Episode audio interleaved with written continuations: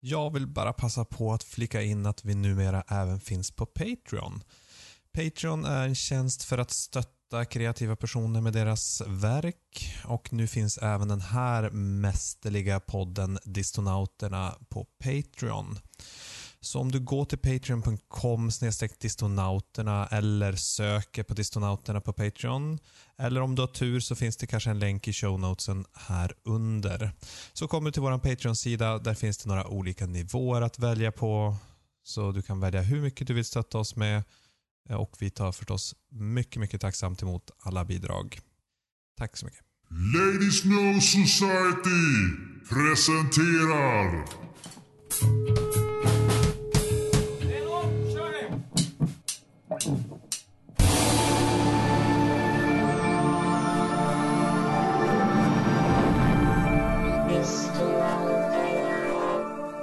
Avsnitt 6 av Distonauterna.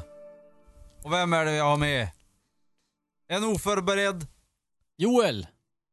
och en halvt förberedd Eh, Daniel? och en... Ja, jag vet inte om jag var förberedd men... Vi har i alla fall, vi i alla fall väntat länge. Ja. Teknikstrul i vanlig ordning. Yes. Det är väl härligt att börja med det så man är riktigt Det är laddad. tur att ni, all- alla lyssnare i alla fall slapp. Eh, Det skulle ha varit jobbigt om de hade fått vänta den här timmen på att få höra oss, våra vackra stämmor. Jo. Ja, vi har ju, vi har ju faktiskt, det finns ju, om, om någon här som lyssnar på det här och funderar på att starta en podcast så har vi ju faktiskt gjort ett gammalt podcasting, hur, how to podcast. Så sök efter podcasting med K101. Podcasting 101. På Spotify eller din podcast-app. Då dyker det upp där. Och jag är ganska säker på att vi pratar om teknikstrul. Säkerligen. Det Ja, har, vi, har ju hänt förr, om man säger så. Jag har inte för. Mm. Men en person som inte har teknikstrul för han har kraften av Buddha. Det är en buddhistisk munk som bor i New York och han, han heter ju då kossan 1108 på eh, internet. Alltså bästa namn. Bästa namnet. Eh, och eh, nu senast, ja det var tre månader, så släppte han en cover av ACDC's Thunderstruck. Så gå in på YouTube, leta efter kossan 1108 och njut av det bästa buddhismen har att leverera. En som inte har teknikstrul, men han kanske har strul med mycket annat. Om man tänker så. Alltså jag är bara imponerad att han får ihop något överhuvudtaget. Det känns som buddhistmunk och så här, spela in tekniska saker på YouTube. Jag, han, att han ska vara bättre än oss på teknik är lite pinsamt. Mm. Jo, så är det. Ja. Inte. Yes, eh, ska vi gå in på dryck då? Mm. Tycker jag. Eh, för min del så är det ju eh, väntat. Jag har ju haft ett liten, en liten eh, följetong eh, i podden eh, senaste tiden och det är ju belgiska trappistöler. Och nu har vi då kommit till den sista och starkaste som är Trappistes RG Forte. Mm. Den var stark. Mm. 11,3 procent och jag har druckit upp halva här medan vi har haft teknikstrul. Så, eh, yes, Tyckte du då? Nej, jag tyckte den inte var så god. Så att, eh, det känns som att jag och du Joel har olika trappistsmak. Ja men tydligen. Ja, jag, av de här tre som jag nu har kört så då håller jag ju Achel högst. Åh nej. Mhm. Inte jag. Den här, nej, men den här var lite för eh, mustig. Det blev Ja. som en jävla käftsmäll. Och det, ja, kanske om jag hade fått en uppvärmningsöl innan och värmt upp paletten lite grann. Ja just det. Men eh, pang på en tisdagkväll så var det lite, lite häftigt. Kan tro det. Men den där tillsammans med lite mustig ost. Möglig, mustig, äcklig ost. Mm. Den, det, då är den oslagbar. Just det, jo. Den här Ja. till ost, jäklar. Ja visst, jag tänka mig. den är sjuk. Eh, Spännande kombo. jag, jag Munkar och visste... ost går ju som ihop också så att Ja, det, det måste ju nästan halvt vara gjort med trappist och, ö, trappist och eh, ost men typ. tillsammans. Eh, Jag var ju förberedd på att du skulle komma med någon gammal munköl och det passar ju oväntat bra att jag då också har en Gregorius, trappisten bir. Yeah. Jag var ju, Ja, det var ju egentligen för att du skulle dricka en som jag drog fram den där, men det passar ju oväntat bra som sagt. Börja prata om munkar det första vi gör och så, och så sen var jag gammal och senil som en gammal munk och missade nästan att vi skulle spela in ikväll. Så. Och så har ju både jag och du rakat huvud som en munk. Som munkar. Precis. Mm. Så att eh, 10,5 procent ska nog få ordning på minnet här ikväll. Mhm, ja, men jag spöade i alla fall med 0,8. Ja, ja det, den där är våldsam. Jaha, Den här var var- Gregorius det. Ja, den var eh, inte riktigt som Rochefort, men det hade jag inte trott heller. Den är ganska mustig, men ändå saknar den den här ost, eh, ostmatchande komplexiteten. Den mögelsmaken. Men eh, är Ja. det där en äkta trappist? För jag tänker att som sagt, Ja. i gammeldags så är det väl bara typ så här 7-8 Ja men precis, men det har ju exploderat med trappistöl på sistone. Den här har faktiskt stämpeln så att det måste ju vara att det har säkert öppnat en massa nya på grund Ja. av mikrobryggarboomen. mm. Ja, just det. Så att det går att göra Jag har business. ju... Eh, jag, har in, jag, skulle, jag ska ju dricka Arsel Mm. snart i någon podd. Men jag har också den som du har Joel, den där Gro- Gregorius. Mhm. Mhm. Så att den kommer också komma i en framtida podd. Jo, jo. Spännande. Oj. Men eh, ja, jag är den första som drar fram Nej! detox, detox-te. Nej! En ska bort till Vad Norge. händer? Redan Åh. i avsnitt sex. Oj, oj, oj. Jaha, Nej, det, det, det går inte dricka öl idag. det går inte. Nej, det går inte. Aha. Eh, jag, jag klarar inte av sånt. Är det efter helgens? efter- Efter våran helgs eh, tre dagars drickande. Eller för mig blir det tre dagars. Ja, just det. Ja, det är klart. Det kan, det kan ju slita. Ja, fast du hade ju måndagen på det. Och vila upp det. Jo, men då blev det annat som jag inte ska prata om här. Mhm. det är annat. Mm. Det där sockerknarket. Mm. Fy fan. Mm. Alltså trycka, trycka sockergrejer. Det är ju vad jag, det är min största sån här, oh men det här är en bra idé och sen efteråt bara, nej det var den sämsta idén någonsin.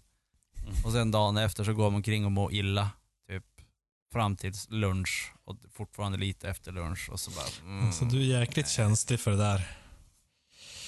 ja. Men... Nej, eh, men- Mm. Ja, så det är detox-te för dig. ja, exakt, det är detox det. Få Mm. bort allt socker i kroppen. Ja, det var ändå eh, eh, tur att vi väger upp då. Tillsammans Ja, så ligger vi på 22 procent så att vi Mm. väger upp för dig.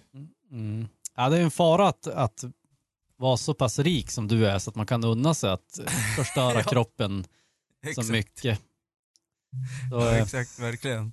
är det, För det som det? eh, vissa musiker, de har ju inte den lyxen. Nej, precis.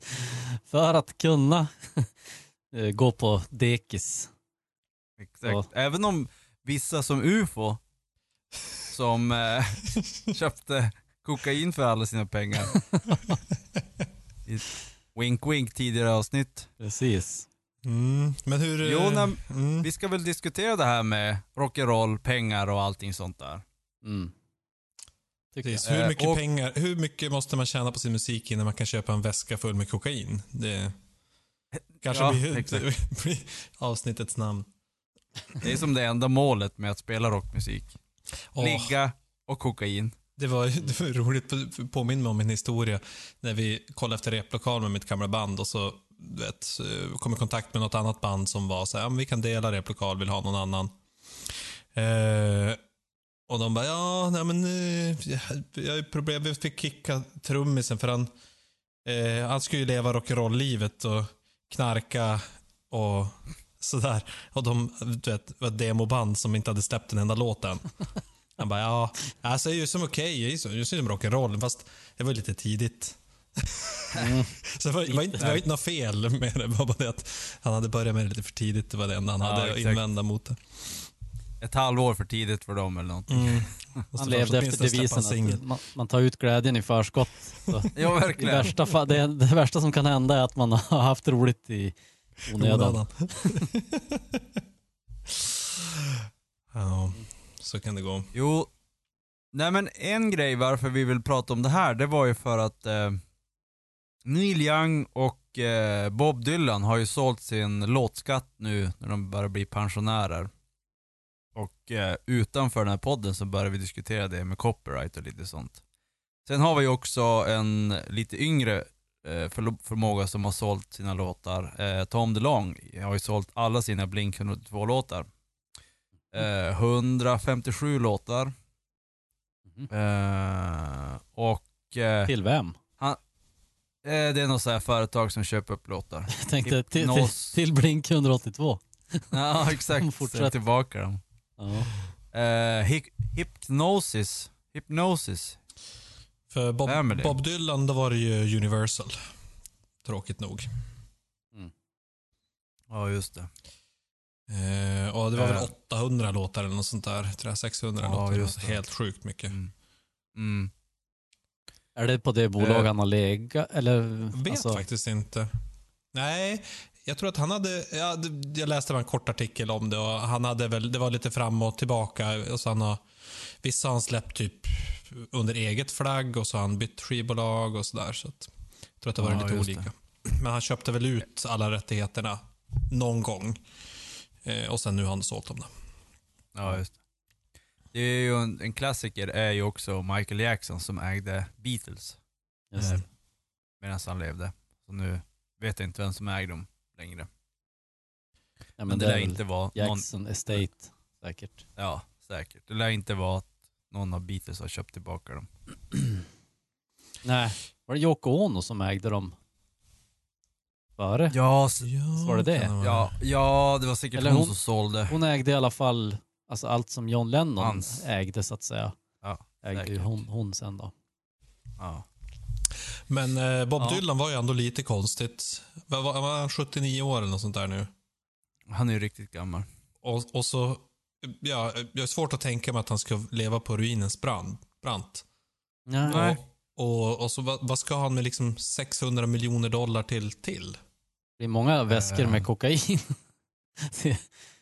Ja, men jag tänker att han borde kunna ha tillräckligt för att knarka ihjäl sig på det han hade innan. ja. Typ. Ja, och han lär ju ha ganska mycket, jag vet inte om han har barn, men om han har det så lär han ju ha ganska mycket pengar att lämna till dem också. Så det kan ju inte vara för deras nej, jag skull förstår inte heller. han... För det, kan, ju- det, är precis, det känns som att det kan inte vara för pengarnas skull. Man gör, gör det Men om man det- är närmare döden och redan har alla pengar man behöver. Så det, och, men det Nej. framgår liksom inte, för han är ju inte den mest talföra direkt. Så att, ja, man har ju liksom fått höra hans historia, han har inte sagt något om det. Nej. Folk bara spekulerar i att ja, men han gjorde en bra deal och det var eh, bla bla bla. Så här, ja, fast det framgår så inte så här. Why? Nej, exakt. Jag, jag skulle ju, fast nu ska vi kanske inte gå in på det här för det, det här kommer senare Jaha, i avsnittet. Mm. Ja, men då tar vi det i Eller ska vi, gå, ska, vi gå, ska vi gå tvärtom? Jag har ju- Vi börjar med pensionen. Eller ska vi ta det? Ja, men vi kanske ska börja där. Eftersom vi ändå börjar där. Vi är Ja, då börjar vi där. Ja. Okej, men ja. Eh, copyright, det håller ju i 25 år, eller hur? Och sen kan man förlänga det i 25 år till, tror jag. Okej. Mm. Men jag vet inte om man kan förlänga det forever. Det är väl olika i olika länder gissar jag. Men exakt, eh, om, om jag skulle om jag skulle vara Bob Dylan så skulle jag inte sälja, naturligtvis inte sälja min musik. Då skulle jag antingen skulle jag göra det public domain så att alla få använda musiken hur de vill. Men då skulle jag också skriva att ingen får betalt för det.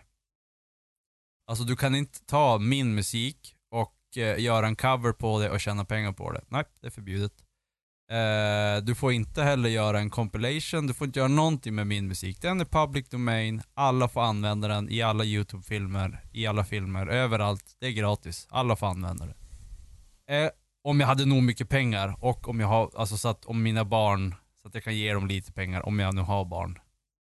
Mm. Eh, och, men då skulle jag också skriva så här. det får inte användas i propaganda, varken höger eller vänster åt ett håll, inte i reklamfilmer, det ska bara få användas i, och inte så här. vad heter det, Fast and Furious Men vem ska, 93. lång vem ska se efter att det där, att det där följs då? Nej men det är, man har ju, om, om jag nu är så rik som Bob Dylan, då kan jag anställa en advokat som får, kan få lön. En vanlig jävla lön resten av sitt liv. Det enda han ska hålla reda på det är Ja, okej. Du är på den nivån. Mm. typ. Eh, så att då, då är det ju så att låtarna är ju mitt liv. Det är ju vem jag är, det är det som jag lämnar kvar. Och då ska ingen få tjäna pengar på det eller fucka med mitt arv. För det är det som kommer hända med Bob Dylans låtar i slutändan. Kommer det användas i propaganda och det, så länge då, bolaget tjänar pengar på det så kommer de att sälja ut till reklamfilmer och så vidare. Sant. Om man inte han har skrivit kontrakt naturligtvis. Men det tror jag inte. Nej, Bob Dylan vet man ju som aldrig med. Men, Nej. men generellt sett så känns det som att gör man en sån där grej, du har cashat in dina hundratals miljoner, eh, då tror jag inte att du har så mycket att säga till om. Det är det som är själva grejen. Att någon annan har köpt rättigheterna. Det är ingen vits Jo, att köpa de det rättigheterna om det kommer med en massa ålatsbrev eller vad fan det heter, som säger att du får inte använda dem till något. Då, då är det Nej, som inte exakt. värt något. Nej, det är därför. Så det är klart att Universal kommer att sälja ut det till första bästa reklamfilm. Ja, ja. Just det. Så det måste ju vara det som är tanken med att de, för att de ska tjäna så mycket som möjligt på de låtarna. Ungefär som att Disney köper Star Wars. Jo. Och vad, vad skulle ni göra med, om ni var i Bob Dylans situation? Ja, man skulle inte sälja. Så. Det tror jag inte. Alltså det är Nej, bättre att, nu bättre att jag ens på- barn då får ärva rättigheterna till musiken än att de får ärva en hög med pengar. Fast det där skulle kunna vara anledningen till att han säljer. Jag vet inte, han, jag vet inte har han barn? Det lär han väl ha. Eh, och, men säg att han inte hade några barn.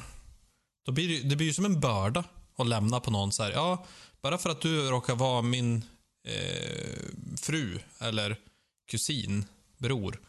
Så då ska du jobba heltid med att ta hand om rättigheterna för mitt material. Mm. Det är inte så schysst. Nej, fast det lär, det lär väl vara en hel som stab vill. som håller på med det där. Alltså man, man kanske bara står som ägare. Ja, fast den liksom. staben heter ju kanske Universal. Det är det som är hela grejen. Att så här, han köper sig en stab som tar hand om det där. Mm. För han har ju ingen nytta av att få eh, royalties efter han är död.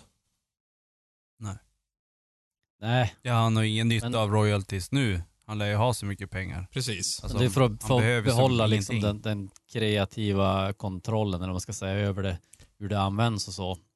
Det är ju... Fast det har han ju ändå inte när han har dött. Nej, men alltså, det är därför man skulle vilja ge rättigheterna till sina barn istället för pengarna menar jag.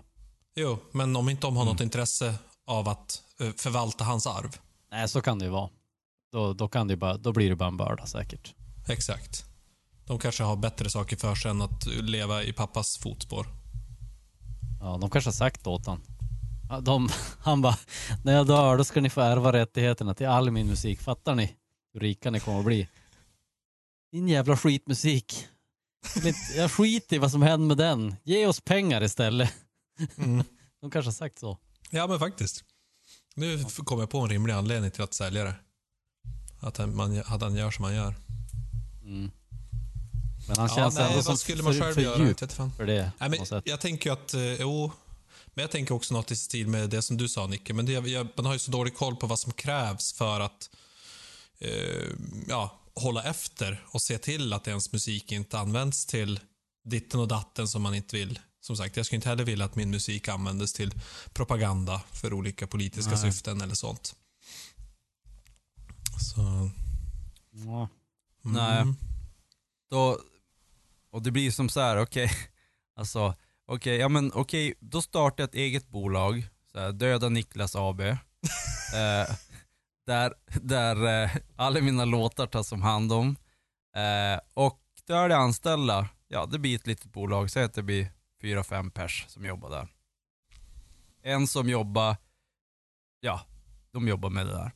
Och eh, problemet blir då att då, då, då kommer det bli, i slutändan så kommer det bli någon jävla greedy jävel som tar över företaget, kickar ut allting och gör någon sån här maskopigrej för att han kan, han kan affärsgrejer och sen så är de ute de låtarna och så är det i propaganda eller reklamfilm till slutändan.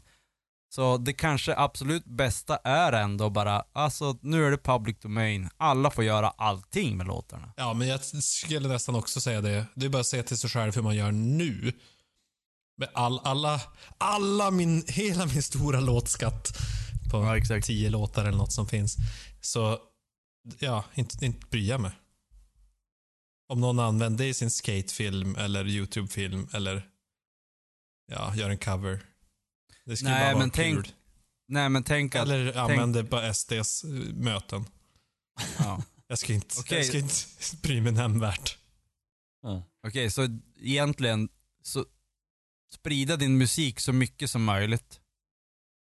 Sprida min säd så mycket som möjligt. Det mesta. Ja. Mm. Eh, nej, nej, men mer bara att... Ja, nej, jag vet faktiskt inte riktigt. Det kanske är annorlunda. Man har ju inte... Man är ju inte ett namn. Det är inte så att jag, har, jag ser musiken som ett legacy. Nej, nu pratar är, jag Om om... man är Bob Dylan så är det ju det som Ja. är... Då är det ju ens namn. Om det då Det så är här, oin- ja, eh, används till tveksamma syften så då blir det ju en liten... Mm, eh, ja, bock i kanten, vad heter det? Ja, kanske inte Ja. så soft för ens eftermäle. Ja. Jag ty- ja, ja, exakt. Jag, jag skulle nog... Jag skulle nog vilja att... Jag skulle nog starta ett företag faktiskt och de skulle ta hand om musiken, men det ska vara extremt strikta regler. Och på något sätt så får det inte övertas av någon. Jag vet inte hur man ska lyckas med det. Man får väl anlita någon sån där superadvokat som kan skriva världens bästa kontrakt.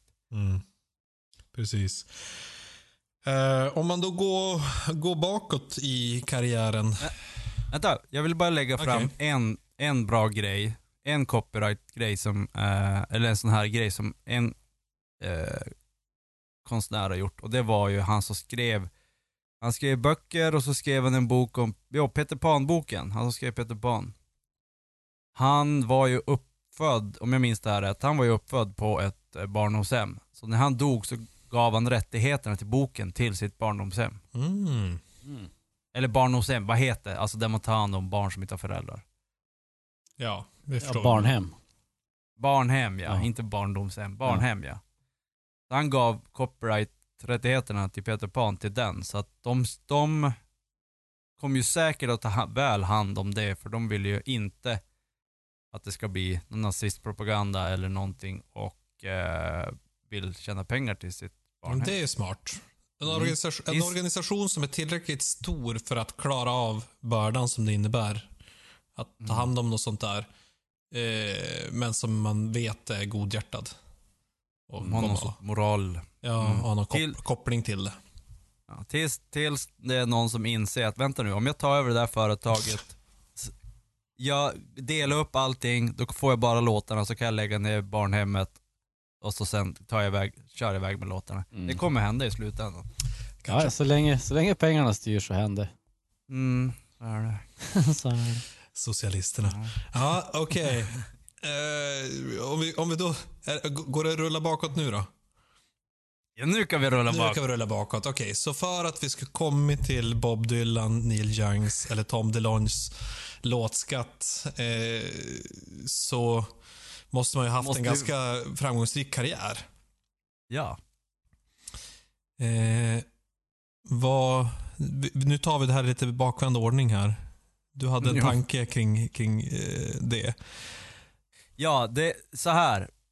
Eh, när man har harvat på ett tag och det börjar gå bra och lyckas som artist, man har gjort sig ett litet namn, då rullar det bara på. Du har släppt 4, 5, 6, 7, 8, nej inte så många skivor, men kanske du börjar ha så här tre, du har, andra skivan slår du igenom, eh, som de flesta gör, och eh, du är på fjärde, femte skivan nu. Det börjar stagnera lite grann kanske. Eh, du vet att om jag skriver en Nickelback-låt här så kommer det bli radiosuccé igen. Eh, och du vet att det kan lätt, allting kan lätt försvinna. Så att eh, ska man då utveckla sig och utmana sig själv när man har de här pengarna Eller ska man gå i samma hjulspår så man vet att man har de här pengarna och man fortsätter att ha de här pengarna? Det är lätt att du bara kör ufo-tricket och knarkar bort alla pengar och sen, och sen gör du konstig musik och du får inga pengar för det är ingen som tycker att din konstiga Daniel Jons musik är bra. Eh, det låter lite som en, så här, ett spelberoende. Bara, nej, jag kommer ha tur igen. Det är lugnt. Jag fortsätter. jag, gör en, jag gör en konstig skiva. Och så slutar det med att man, ja, du sitter u- utfattig, skuldsatt. Alltså jag tror att Så är, är pengarna, för en artist, om vi, om vi snackar rockmusik, är pengar, eh, naturligtvis så beror allting på, men eh, pengar som kan hjälpa dig som artist till att utmana dig själv och gå nya vägar för att du har inte samma behov av att tjäna pengar. Men samtidigt, har du då hunnit gå ner så långt i träsket så att ditt rockliv är ett vanligt jobb och du är rädd för att tappa uppmärksamheten, du är rädd för att tappa allas pengar som du får när du skriver låtar som alla redan har hört. Alltså ju mer du har, desto räddare är du ju för att förlora det. Det, det, det känner jag i mitt liv och det är väl en, en eh, allmän sanning. Att har man inte så mycket så finns det inte så mycket att förlora. Men har man mycket så finns det mycket att förlora. Och även när man hör intervjuer, både som du har gjort med folk och som andra man har lyssnat på, så, så finns det ju, när man är ett namn och har en publik så finns det en förväntan på en på något vis. Att eh, man, man, man känner i alla fall att, ja men mina fans, om det nu är 10 000 fans, de, de förväntar sig att jag ska göra någonting inom ungefär samma. Eh, plus att man dessutom då har eh, vant sig med en livsstil antagligen. Eh, som är att man turnerar och kan ha stora shower och att man har tre, fyra hem runt världen eller hur bra det har gått för en. Så att jag, jag tror ju att det är jäkligt svårt som framgångsrik att ändra på sig och våga nya saker. Och det, det tycker jag också man ser bevis på. Att nästan alla band och artister stagnerar ju. En liten eh, parentes där, jag lyssnade på en podcast Eh, med en, eh, han har varit militär, det var hos Joe Rogan, han har varit militär och börjat skriva böcker om en militärgubbe, typ, eh, vad heter Hamilton, typ en Jan Guillou-figur fast inte Säpo utan en militär. Så att han har en figur, han har skrivit, tror jag, tre böcker, håller på med fjärde nu. Eh, och han hade pratat med sin editor och sagt har en idé om en annan berättelse som jag tänkte skriva. Hon bara, va? Nej, nej, nej. Förstår du hur tur du har haft nu? Du har, din första bok blev en succé, den andra bok blev en succé och tredje boken är en succé. Och det handlar om en och samma figur. Du har ju ett vinnande koncept, vet du hur jävla tur du har med det här? Mm. Du, kan inte, du kan inte bara, nej, du kan inte bara skriva någonting annat. Nu, du, nu får du skriva om den här gubben resten av ditt liv typ. I alla fall tills det slutar sälja. Jo, nej, men det är väl som Beck eller eh, Ja. alla, jag vet inte vad, vad Camilla Läckbergs karaktärer heter, men det är säkert samma i alla böcker. Så att, jo, det är lätt att fastna i det där. Man tänker ju att mer pengar Mm. ska ge en mer frihet. För då är man inte så beroende av det, men jag tror att det nästan alltid blir tvärtom. Om man nu inte är nog, har nog mycket insikt till det här och inser att, ja men jag har fuck you pengar. Mm. Och så bara, och sen så här, ja men jag är inte så beroende, för det är ju, Fast det där tror jag, det där tror jag nästan är en, en, i så fall en läggning som man måste ha från första början. En inställning att så här, jag gör inte det här för pengarna. Oj, det råkar bli pengar. Eh, men jag hade inte ens tänkt leva på det. Eller du vet, ungefär som Joe Rogan då. Så det är inte så att han Fast startade nej. sin podcast för att han skulle leva på det och tjäna pengar. Utan det bara råkar bli så. Då kan han ha det eller mista det. Han hade ju redan fuck you pengar. Så. Kanske det också. Ja. Men, men, Men eh, om, du, flesta- om, du, om man är som du till exempel som vill leva på musiken. Då tror jag att det är jäkligt svårt att sen bara, ja okej, men nu har jag tillräckligt så att jag klarar mig. Fuck you. Och så chansa på att jag kanske om fem år då så kanske jag inte kan leva på musiken längre. Då måste jag gå tillbaka till att ta ett vanligt kneg. Mm. Jo exakt. Det tror jag inte är så Jag många som är villiga att ta den chansningen. Nej, men, men jag tror ju att de flesta som spelar rockmusik har ju den inställningen från början. Som Metallica och alla de där. Inte tror jag att de startar band. De flesta som pratar, de brukar sta- starta band för att få ligga. Det är typ ett. Men ingen startar ju för att tjäna pengar. Ingen startar ett rockband för att tjäna pengar. Det är typ det sämsta du någonsin kan göra. Kanske en, en viss period där under, under millennieskiftet, kring millennieskiftet, då, då startade säkert rockband som bara vill tjäna pengar. Ja, Nickelback blev stora, jag kan säkert också bli stor. Ja, jo. Men Naturligtvis eh, det var, finns en- det, det var en kort, kort eh, period i rockens historia då det var lite mainstream. Mm. Eller på 70-talet kanske. 60-70-talet. Ja. Nej, det har du nog rätt i. Att just inom rocken så kanske ganska många som... Men å andra sidan så, vad fan. Och, och sen så tror jag att det, tråkiga. Jo, men jag tror att det blir som det du säger då. Att de blir beroende av pengar och uppmärksamhet. Och då vågar de inte riktigt ta ut svängarna. Nej. Jag tror just uppmärksamheten ska man inte eh, liksom, det, det kan nog vara en av de största drivkrafterna ändå. Jo. Eh, Ja. Alltså att pengarna blir på något sätt blir en följd av att du är en sån som söker uppmärksamhet.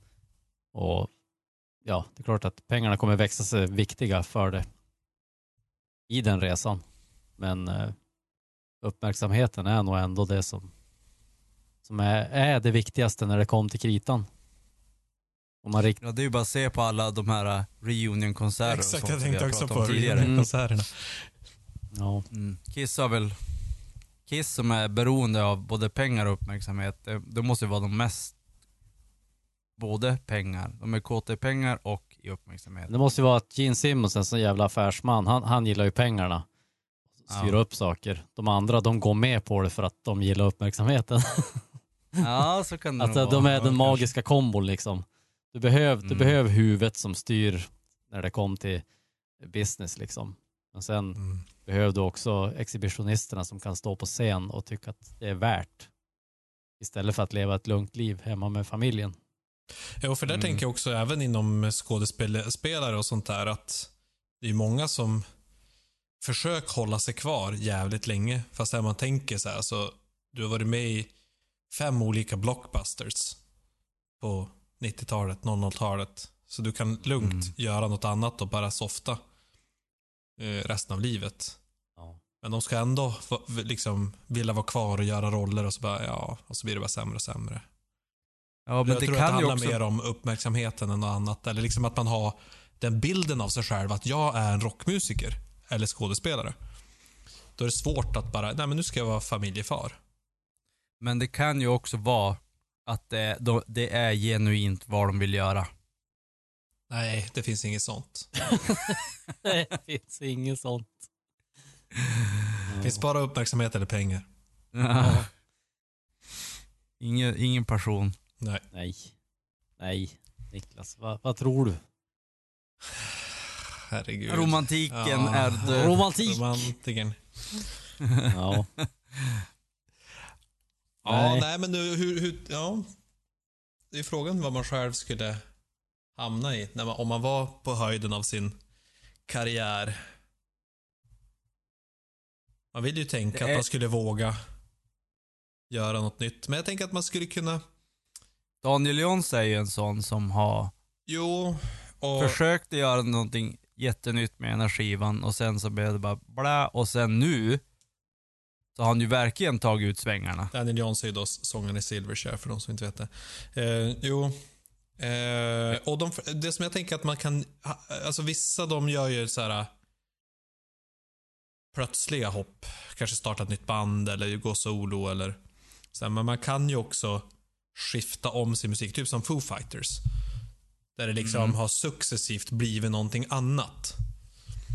Eh, Och de var ju fast där ett tag i Foo Fighters eh, kopiering, gjorde covers på sig själva ett tag. Ja. Mm. Men, men de har ju nu tagit sig ur det. Mm.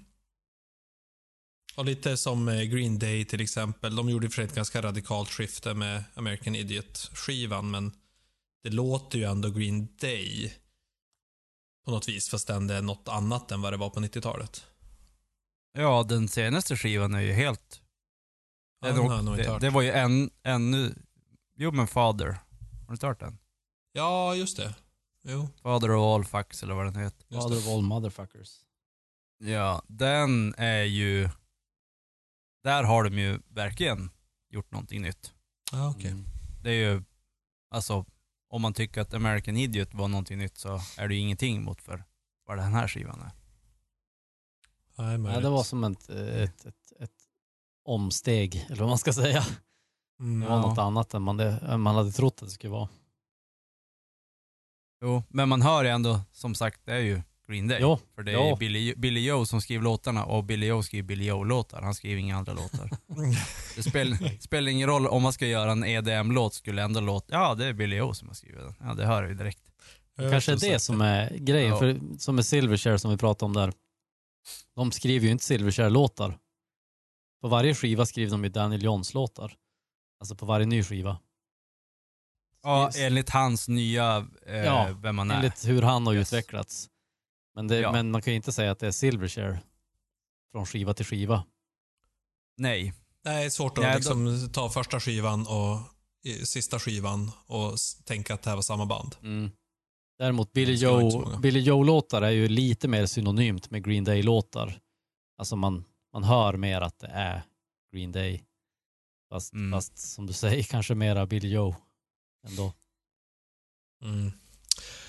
Ja, nej så att eh, när man väl har kommit in i eh, högsäsongen på sin karriär då, då är det lätt är det att fastna i träsket.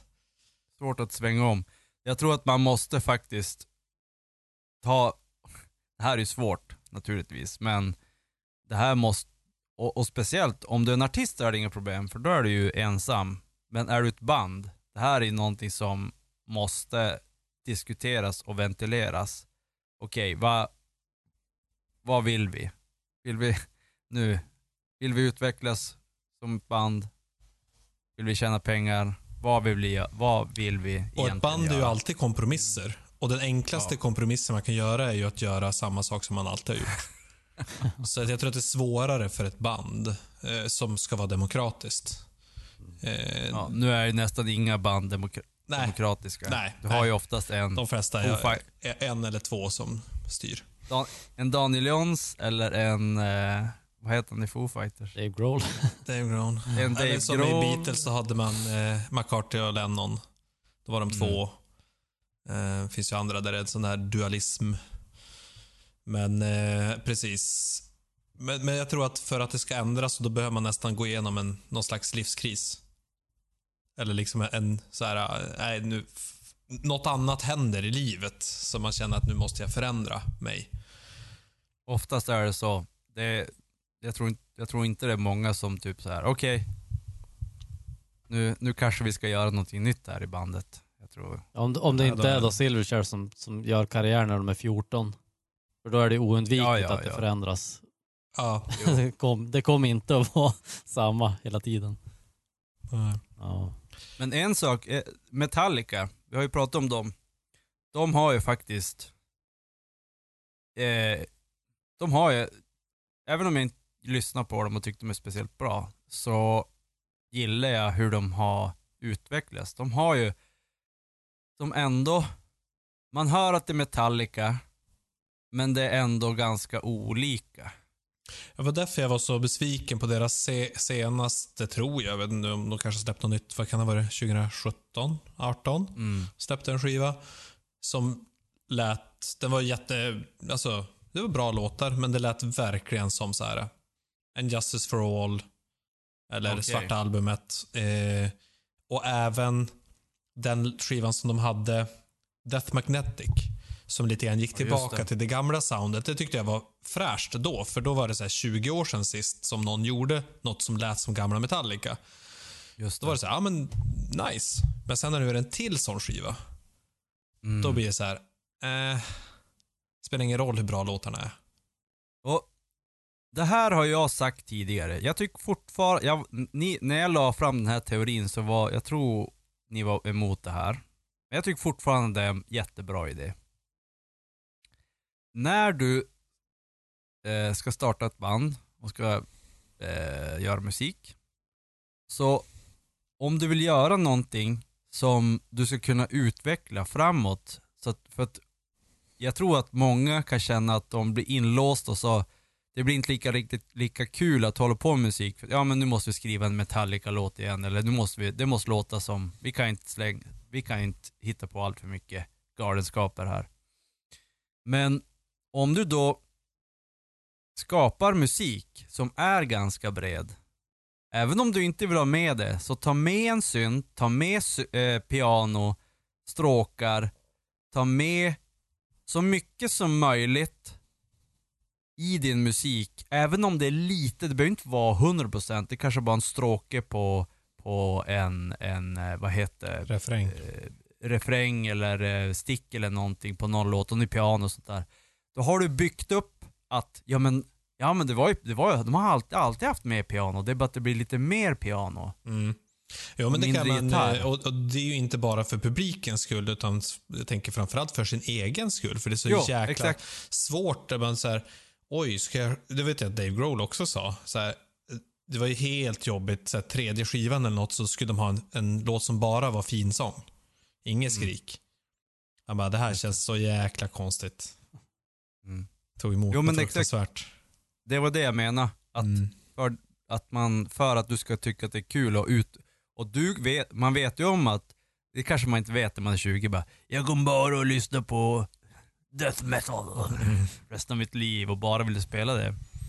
Men eh, om man lyssnar på visa gamla gubbar så vet man om att de flesta personer utvecklar sin musiksmak, speciellt, eh, eller hur man, Fast det är svårt att veta vad man utvecklas till. Då kanske du, ja, ska du ha med då lite saxofon och lite eh, xylofon och Alltså du- så länge du har med ett, bongo alltså lite, blå, lite blås kan du ha med. Du Vi hade ju kanske inte ha, mungiga i vårt band. Det var, det var Ah. fram, framåtsträvande. det, Ja, det var bra.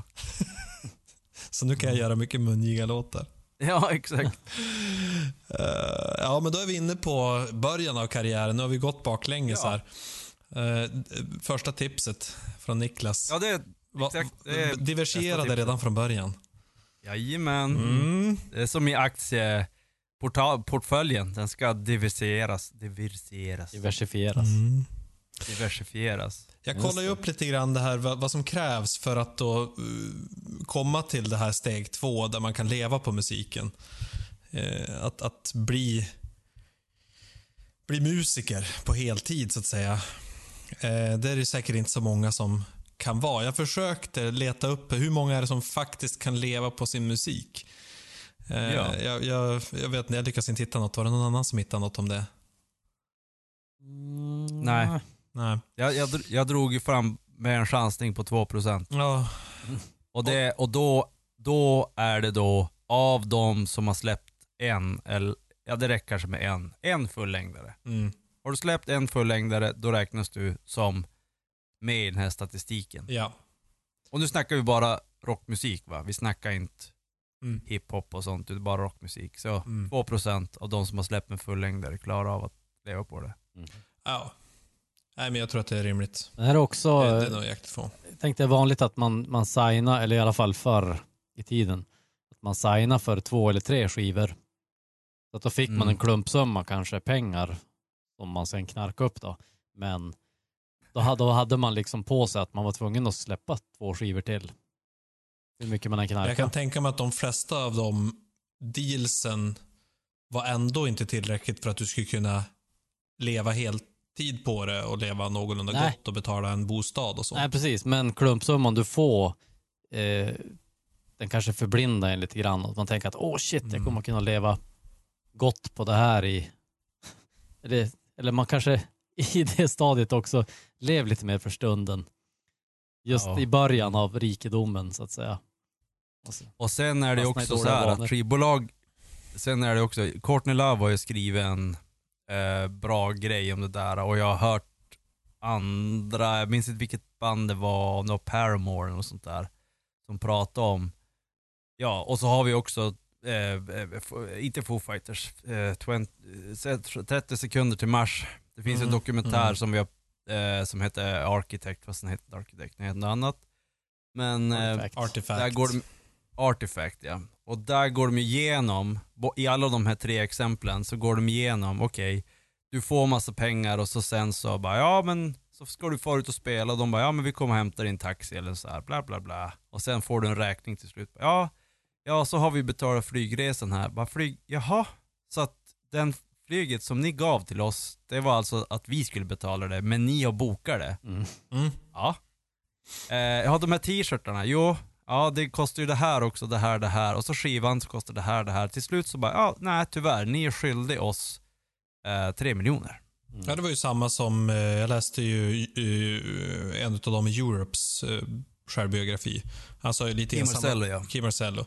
Han sa ju lite grann samma sak. Att så här, ja, men man fick varsitt kreditkort.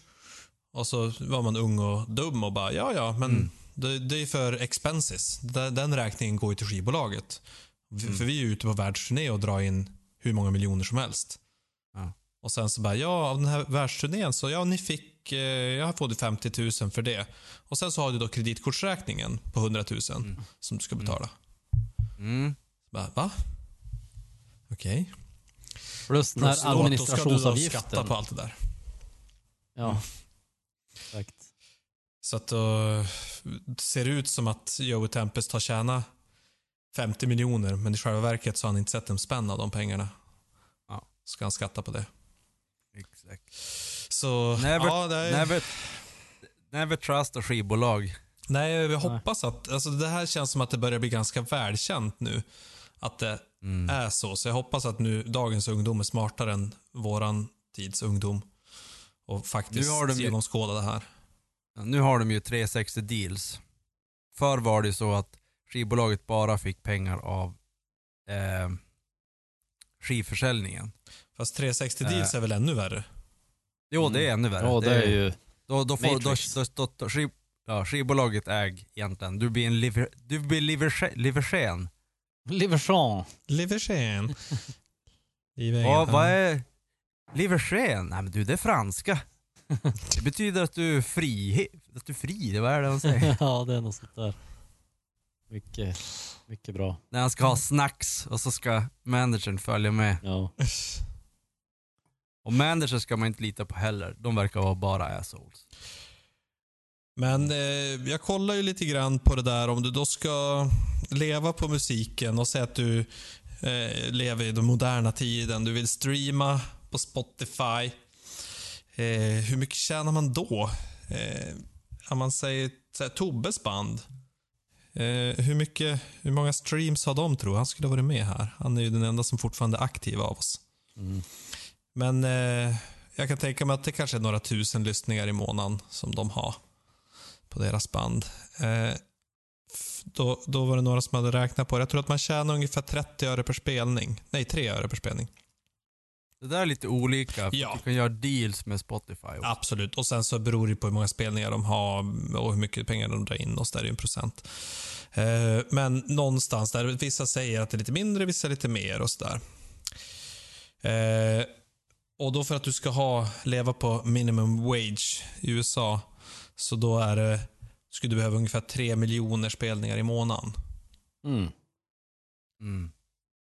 Och jag vet inte vem du ska vara för att få ihop 3 miljoner spelningar i månaden. Det är klart att de som är de allra största, de har väl garanterat mer än så. Ja, du måste ju vara ett Men, världskänt band. Helt Det enkelt. känns ju som att du, du behöver ha en global publik. Mm. Tobbes band, ja, de har totalt, ja i månaden, ja det är en listeners, inte listenings. Ja, kanske inte ska hänga ut han här men Gör det. 20 000 lyssningar. Ja. Och då är det inte per månad, utan tutti. Totalt. Ja. Eller jag vet inte hur långt tillbaka de räknar på Spotify. Men... Eh, så att han har inte blivit rik på sitt Spotify-streamande i alla fall. Eh, nej, så att det, det, det är rätt omöjligt att, bli, att liksom leva på det enbart. En, enbart på, på Så då hade de ju gjort en liten undersökning i säkert USA. Eh, vad är det man faktiskt drar in sina pengar på som musiker? Och då, som du sa, liksom, tagit med alla musiker, inte bara de som är lever på sin musik enbart, utan även deltidsmusiker. Just det. Eh, och, och fått fram ett litet diagram. Och streamingtjänsterna, jag antar att de går under sound recordings. Eh, kanske och även compositions. Compositions är ju, jag gissar att det är att du har skrivit en låt. Ja, en text eller... precis. Så säg att du är låtskrivare och eh, spelar in musiken. Då står det för ungefär 11-12 procent av din inkomst.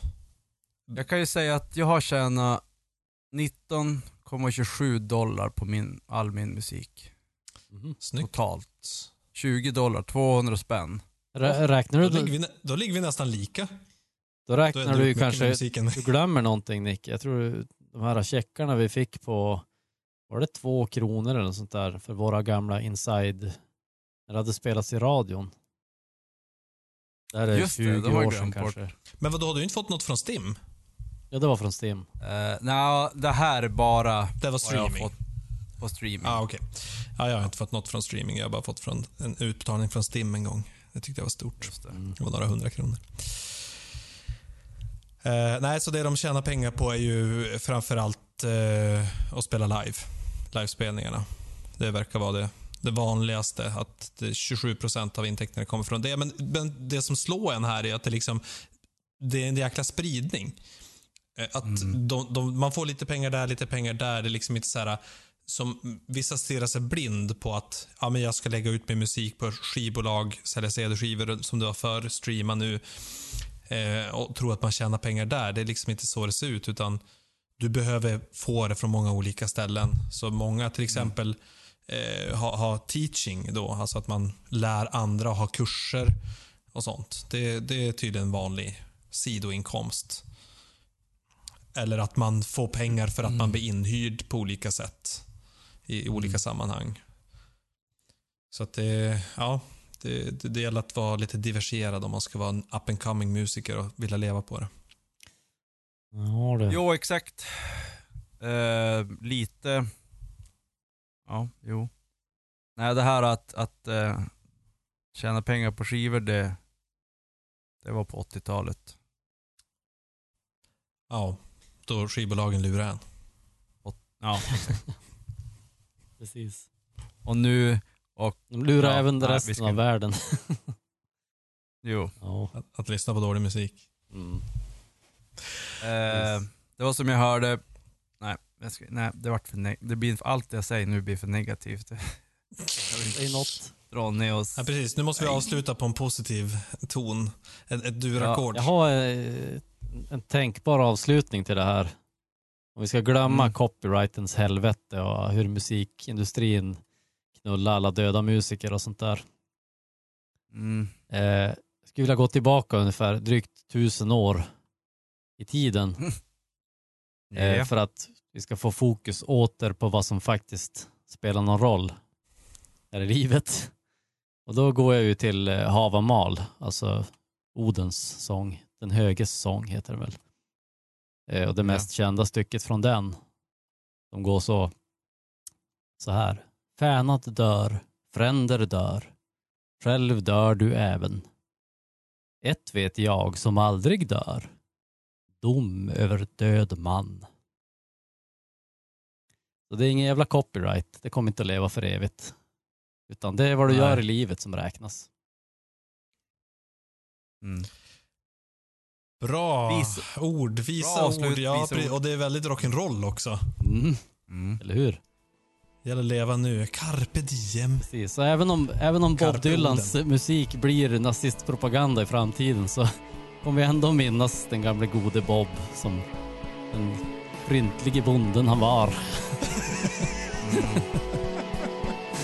Nej, men Död alltså, åt Bob. det, Länge leve Bob.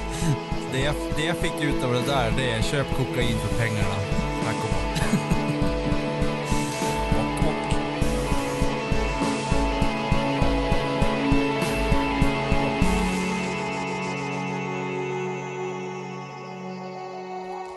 Är vi på sex nu? Vad är det för jävla nummer Ja, vi jag är tror att det är på sex. Det är sex. Ja, okej. Men. Vi skulle haft eh, ett sexavsnitt då. Ja, Sex, och sex, ja, sex och rock'n'roll. Mhm. Mm. Jo, men Det det här tänkte vi inte igenom. Vi får ta det när vi kommer till 69 då. Och jäklar, helt långt.